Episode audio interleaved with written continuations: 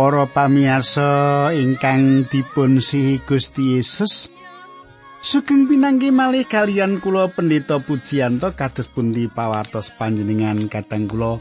Menapa panjenengan sae-sae kemawon panjenengan dipun berkahi Gusti Allah lan panjenengan tansah dipun ayomi dening Gusti Allah lan panjenengan ugi bagas waras. Nggih Menika pandonga kula panjenengan panci kados makaten kateng kula supados ing adicara menika panjenengan wonten sukarna wonten ing gesang panjenengan. Kula ngaturaken gunging panuwun atas serat-serat panjenengan nggih. Ibu Kerina, Ibu Ani nggih. Mugi-mugi panjenengan dipun berkahi Gusti Allah awit tanggapan panjenengan dateng adicara menika. Adicara margi utami badhe sesarengan kalian panjenengan ing satawis wekdal menika sugeng midhangetaken.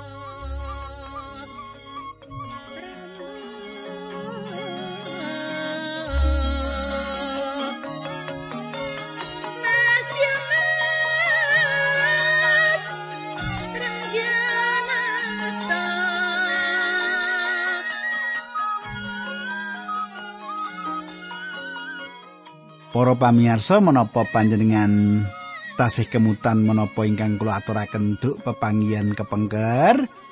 Wonten ing pepanggihan kepengker kita sampun nyemak bilih sayektosipun bangsa Israel dipun dawuhi Gusti Allah supados wangsul dhateng Yerusalem. Nanging rupinipun boten sedaya purun wangsul dhateng Yerusalem salajengipun badhe kita lajengaken ing mriki. Nanging saderengipun menika monggo kita nyuwun tuntunanipun Gusti Allah langkung rumiyin Duh Kanjeng Rama ingkang adhedhampar wonten kraton ing kasuwargan kawula ngaturaken gunging panuwun.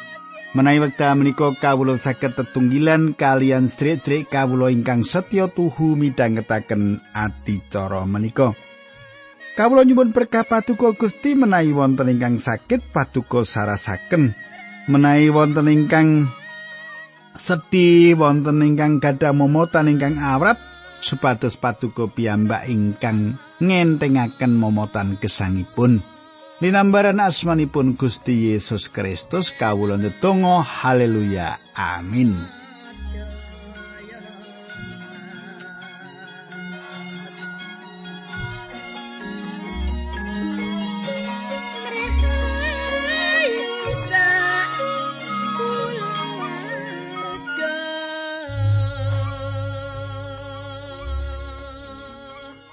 Para pamirsa ingkang kula tresnani. Kados ingkang sampun kula aturaken kala wau bilih mboten sedaya umat Israel milih wangsul dhateng Yerusalem sinaosa wonten dawuh pangandikanipun Gusti Allah. Lelampahan menika ngandhut trap-trapan ingkang perlu dados kawigatosan kita. Kula mboten ngraosaken bilih saben tiyang menika dipun timbali supados kesah dhateng jaban rangkah. Kula yakin kula mboten dipun timbali kangge nilaraken negari kula lan kesah dhateng negari sanes. Kula badhe blak-blakan dumateng panjenengan kenging menapa Gusti Allah mboten nimbali kula kesah. Gusti Allah kagungan tiang-tiang ingkang ngedapi-dapi wonten ing kebonanipun penginjilan. Anging awit Gusti Allah mboten nimbali kula mboten ateges bilih kita mboten perlu nyengkuyung sederek-sederek ingkang saestu-estu dipun timbali dening panjenenganipun. Kita kedah nyengkuyung sederek-sederek menika nindakaken satunggalipun tugas ingkang sae lan nyengkuyung sederek-sederek menika kanthi donga-donga kita. Kita perlu nyengkuyung ingkang wonten ing jaban rangkah ing garis ngajeng ingkang martosaken pangandikanipun Gusti Allah. Ing salebetipun peperangan kinten-kinten saben prajurit ingkang perang wonten ing garis ngajeng kedah-gadah sedasa tiyang ing wingkingan ingkang nyukani pitulungan arupi tetedan, rasukan, perawatan medis lan ugi amunisi utawi peluru.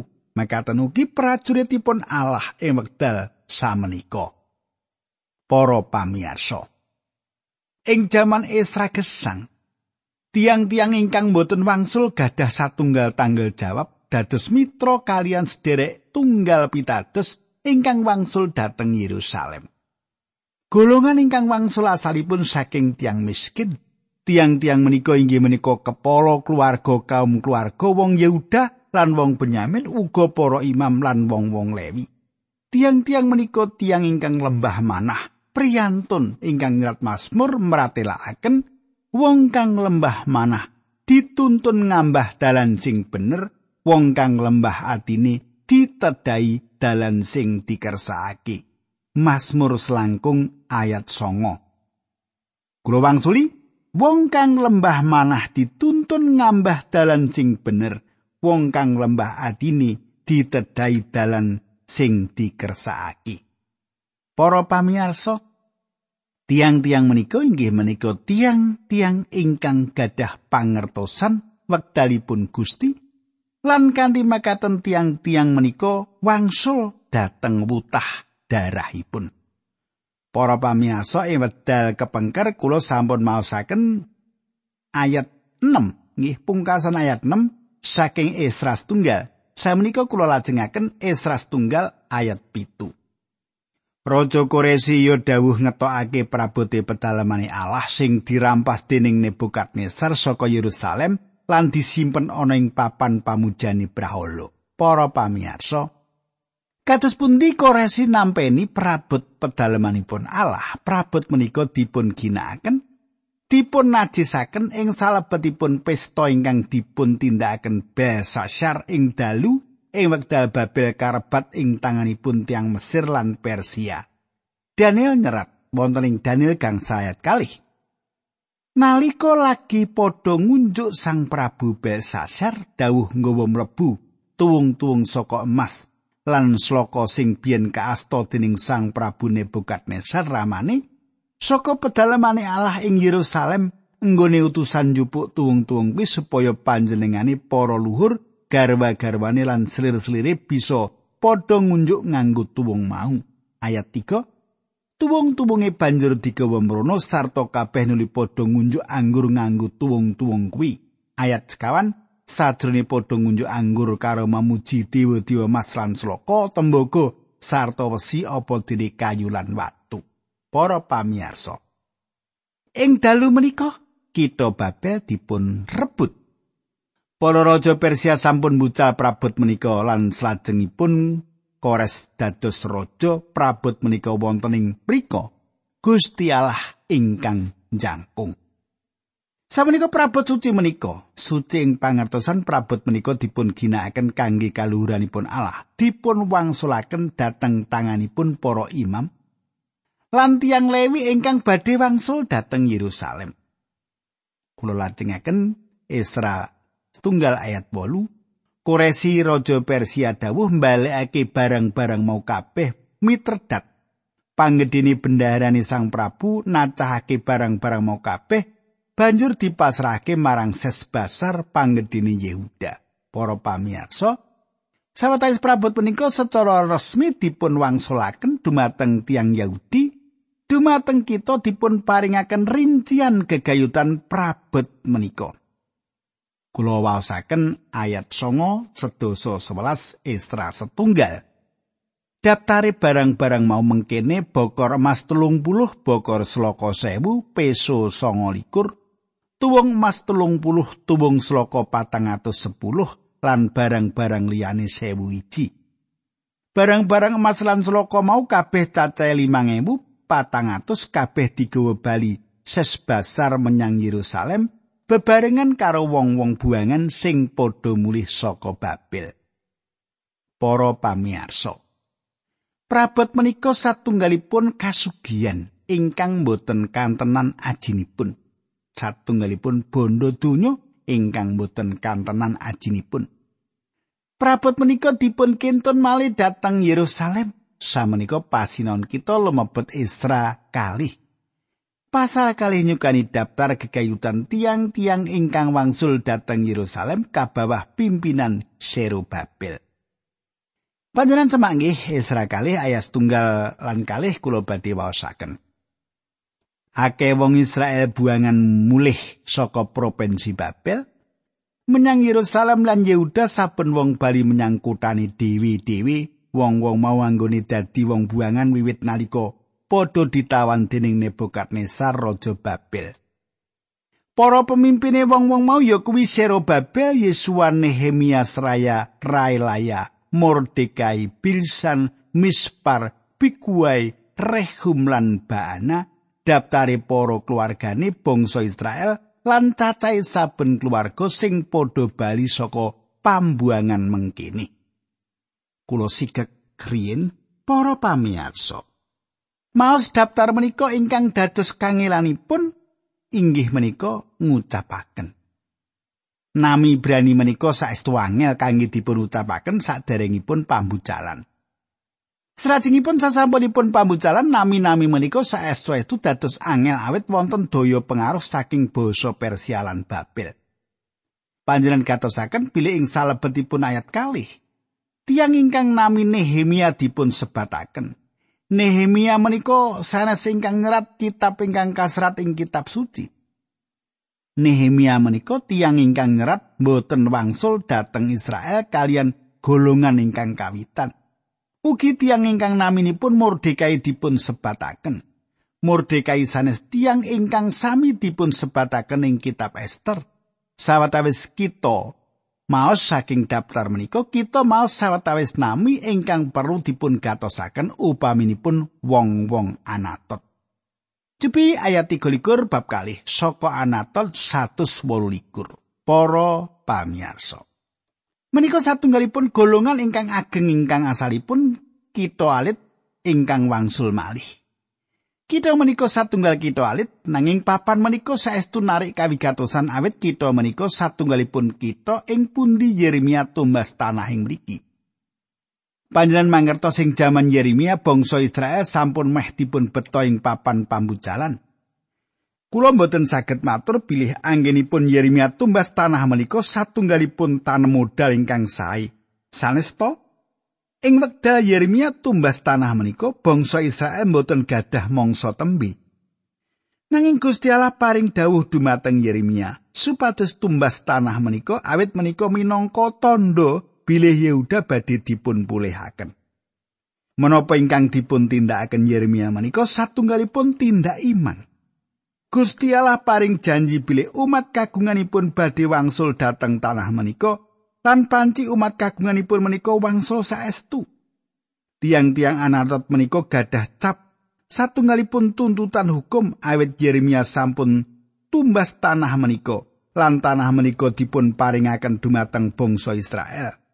Bangsa Israel wangsul malih kangge nuntut menapa ingkang dados barang darbeipun panjenengan saged maos ing Yeremia tigang dosa kali. Para pamirsa, kathah wucalan rohani ingkang saged dipun panggihaken ing perangan menika. Kita saged dados mitra wonten ing paradosan menika, saperangan bangun malih pedalaman Allah. Saperangan gelaraken pangandikanipun Gusti Allah. Saperangan gadah kewajiban dados utusan Injil. Saperangan malih dados tiang ingkang nyang kuyung ingkang kapatah kisah lan ingkang gumunaken inggih menika ing titi mangsanipun mangke kita badhe nampeni upah utawi ganjaran. Pendamelan saben tiyang badhe dipun periksa lan badhe nampi satunggalipun upah pituwas atas menapa ingkang sampun dipun tindakaken. Kita badhe wonten ing ngajengipun dampar pengadilan Sang Kristus saben tiyang pitados badhe wonten ing ngajengipun dampar pengadilan Sang Kristus. Cupi panjenengan semak kalih Korintus gangsal ayat doso. Awit ora kena ora, kita kabeh mesti bakal padha ngadep ana ing ngarsane dampar pengadilane Sang Kristus.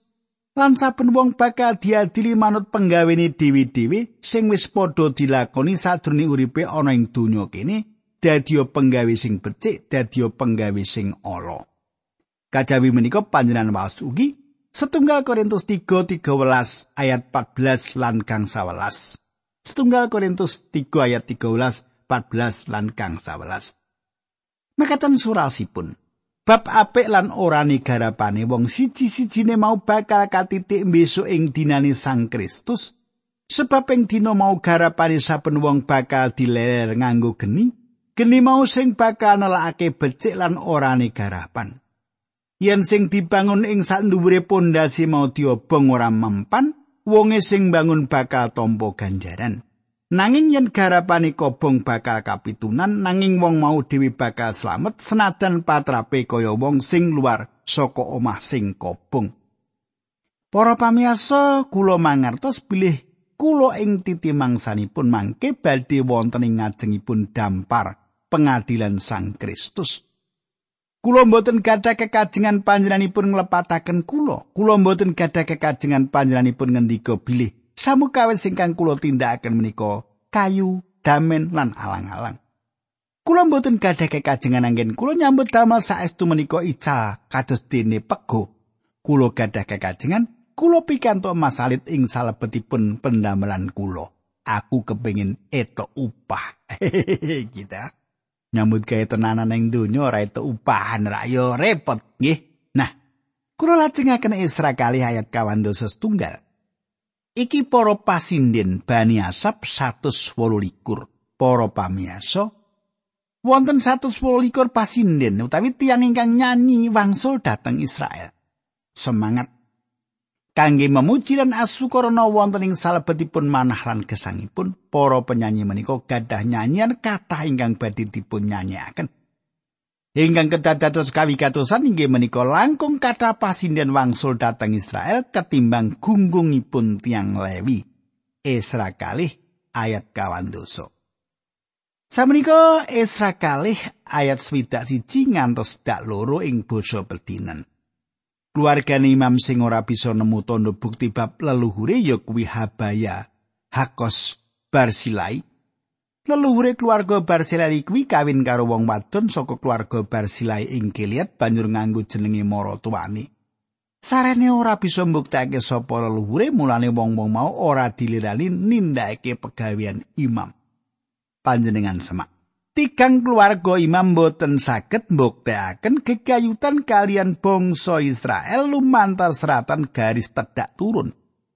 Awit tiang-tiang menika boten saged meratelaken garis turunipun lan awit saking menika tiang-tiang menika kedah sumingkir. Nanging tiang-tiang menika dipun idinaken kisah kalian tiang Yahudi tumuju ing negari Israel. Para pamirsa, Jaman samenika putra Allah kedahipun mangertos bilih piyambakipun menika tiyang ingkang dados putranipun Gusti Allah. Rasul Paulus meratelaken aku ngerti marang sapa aku percaya. Kita kedahipun mangertos bab kawilujengan kang cetha mboten kawilujengan ingkang tasih wonten ing kinten-kinten lan pengajeng-ajeng. Kalih Timotius tunggal ayat 12 meratelaken. Lan iyo mergo Injil kuwi aku nandang kasangsaran iki. nanging aku isih tetep yakin awit aku wanuh karo sapa sing ndak percaya lan aku ngerti temenan yen panjenengane kuwasa ngreksa apa sing wis dipitayake marang aku nganti tekan dina rawe Gusti. Samenika Isra kalih ayat tak papat ngantos swidak limo. Sagolongane wong kabeh iku mau gunggunge ana patang puluh loro ewu telung atus swidak. Iku kejaba baturi lanang lan wadon kang cacahe pitung ewu tulung atus tulung puluh pitu ing antarane ana pasinden lanang lan wadon rong atus para pamiyarsa. Perangan kitab suci menika meratelaken gunggungipun sedaya umat Israel ingkang wangsul dhateng tanah kelahiranipun ing wekdal menika dipun pimpin dening Zerobabel. Gunggungipun inggih menika patang puluh song ewu wolung atus sangang dosa pitu. Selajengipun pasinan kita lumebet ing kitab Esra pasal 3, golongan kawitan ingkang wangsul dhateng Yerusalem sasampunipun pambucaran namung 50.000. Golongan selajengipun ingkang dipun pimpin dening Esra kinten-kinten kalih ewu tiang. Wonten ingkang sanes dhateng ingkang saged ugi nambah gunggungipun ingkang wangsul inggih menika dados swidak ewu tiang. Nanging wonten sawetawis juta tiang Israel ing wekdal semanten. panjenengan saged ningali bilih wonten sawetawis yuta tiyang Israel ing wedal semanten panjenengan saged ningali bilih saperangan ageng rakyat menika tetep wonten ing Babel tinimbang wangsul dateng tanah perjanjian. Wegah, wegah balik gitu. Saya menika ayat setunggal bab tiga. Nalika nyandak sasi kapitu wong Israel wis padha manggon ing kutani dewi-dewi, wong kabeh mau padha nglumpuk ing kutha Yerusalem. Para pamirsa, cetha wonten let wedal antawisipun pasal kalih lan tiga ing salebetipun kitab Esra menika. Kitab Esra kalih dipun pungkasi kalian bangsa Israel ingkang wangsul dhateng tanah perjanjian. Bangsa menika mbeto sedaya bondo donyanipun ingkang kathah kangge mbangun pedalamanipun Allah lan mulihaken tanah menika. Ing wekdal mangsa let-letan menika bangsa menika mbangun griyanipun piyambak-piyambak. Awit saking menika kita manggihaken salajengipun bilih hagae tundhonipun ngilikaken bangsa menika awit bangsa menika langkung remen mbangun griyanipun piyambak lan bangsa menika kesupen bangun malih pedalaman Allah. Inggih ing mangsa let-letan wekdal menika. Saged ugi sawetawis minggu wulan utawi ngantos sadangunipun kalih taun. Kita lajengaken ayat kalih. Yesua bin Yusadak lan sedulur-sedulure para imam lan Serubabel bin Sealtiel lan sedulur-sedulure banjur padha mbangun mesbeh kagem Israel kanggo saus kurban obongan kaya sing katulis ing kitab Nabi Musa abdine Allah. Para pamirsa. Perkawis ingkang saestu dados kawigatosan kula inggih menika bangsa menika naliti isi kitab suci lan bangsa menika manggihaken menapa ingkang serat ing salebetipun paugeranipun Musa. Ing wekdal mangsa menika manggihaken paugeranipun Musa pramila mboten wonten malih cecongkrahan. utawi benten pemanggih utawi benten anggepan. Bangsa menika mboten namung wangsul dateng tanah perjanjian menika. Bangsa menika ugi wangsul dumateng wucalan pepakenipun Musa. Kitab suci gadah kawenangan ngatur bangsa menika. Awis saking menika mboten wonten pemanggih utawi pikiran pribadi ingkang gadah daya pengaruh dumateng bangsa menika ing salebetipun bangsa menika damel putusan. Mboten wonten menapa kemawon ingkang dipun tindakaken kangge andadosaken pantes ing gesangipun bangsa menika. Para pamirsa wonten ingkang saged kita terapaken wonten ing mriki. Menapa ingkang dipun pikiraken lan dipun sanjangaken tiang boten patosa penting kenging menapa? Awit kitab suci kayektosanipun sampun jangkep sanget lan mesti kemawon ngemot sedaya wucalan ingkang dipun betahaken minangka tuntunan kangge saben tiyang ingkang purun setya dumateng Gusti Allah ing kahanan menapa kemawon ing salebetipun sejarah. Inggih menika sebabipun kula rumaos mboten patos penting kerembak cara utawi gaya khotbah lan mucalaken pangandikanipun Gusti Allah. Kita perlu nyemak wucalan pangandikanipun kanthi jangkep sanes sing perangan perangan ingkang sampun saestu dipun tepang Nanging kula gagas saperangan sampun dados sanget dipun tepang awit pangorbanan perangan-perangan sanes saking pangandikanipun Gusti. Ing wekdal kita ningali ing pangandikanipun Gusti sedayanipun pramila sayektosipun kita mboten betahaken satunggal buku kegayutan kados pundi dados bahagia ing salebetipun rumah tangga lan buku-buku ingkang memper sumebaring tengahing masyarakat awit sedaya jawabanipun inggih menika wonten ing pangandikanipun Gusti Allah. Kenging menapa kita mboten wangsul dateng sumberipun? Kenging napa? Kita lajengaken ayat 3. Mesbeh mau ditekake ana ing panggonane lawas.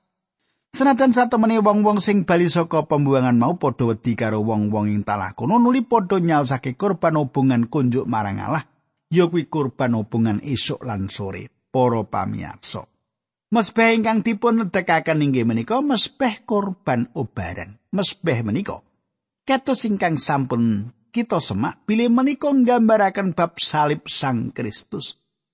Korban obaran ingkang dipun pisungsungaken ngrembak pribadi Sang Kristus lan pangorbanan ingkang dipun tindakaken kangge kita.